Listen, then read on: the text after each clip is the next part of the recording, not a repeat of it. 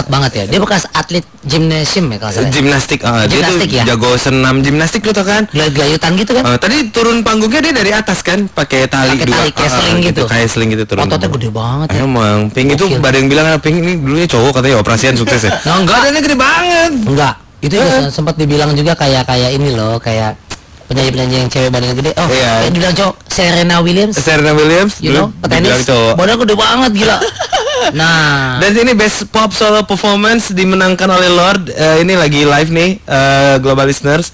Dan Lord, ya? nggak, Lord eh, kali ini eh, rambutnya agak dilurusin, biasanya tampilnya gelombang. Ah. Terus abis itu menurut gue mukanya kayak Drew Barrymore sekarang. Betul, kayak umur Charlie 17, Eagles. umur 17 kayak begini coba ya, tapi Lord ini boros banget mukanya ya. Boros, boros, boros. Boros Tapi nggak apa-apa, boros penghasilannya gede banget. Iya sih, itu Dia juga. kan yang nulis semua lagunya di albumnya kemarin. Betul. Kemarin baru dijual ke publishing, terjual 25 juta dolar Amerika Serikat. Wow. Lagunya semua publishing. Iya, benar 25 juta dolar. Tingginya sih badan-badan semampainya kayak idola gue tuh tau nggak Anne Hathaway. Anne Hathaway. Yeah, Anne Hathaway. Anne Hathaway. Gue memimpikan uh, kelak wah pasangan gue ini ya Eh. perpaduan antara Anne apa Anne Hathaway Heeh. sama Lionel Messi.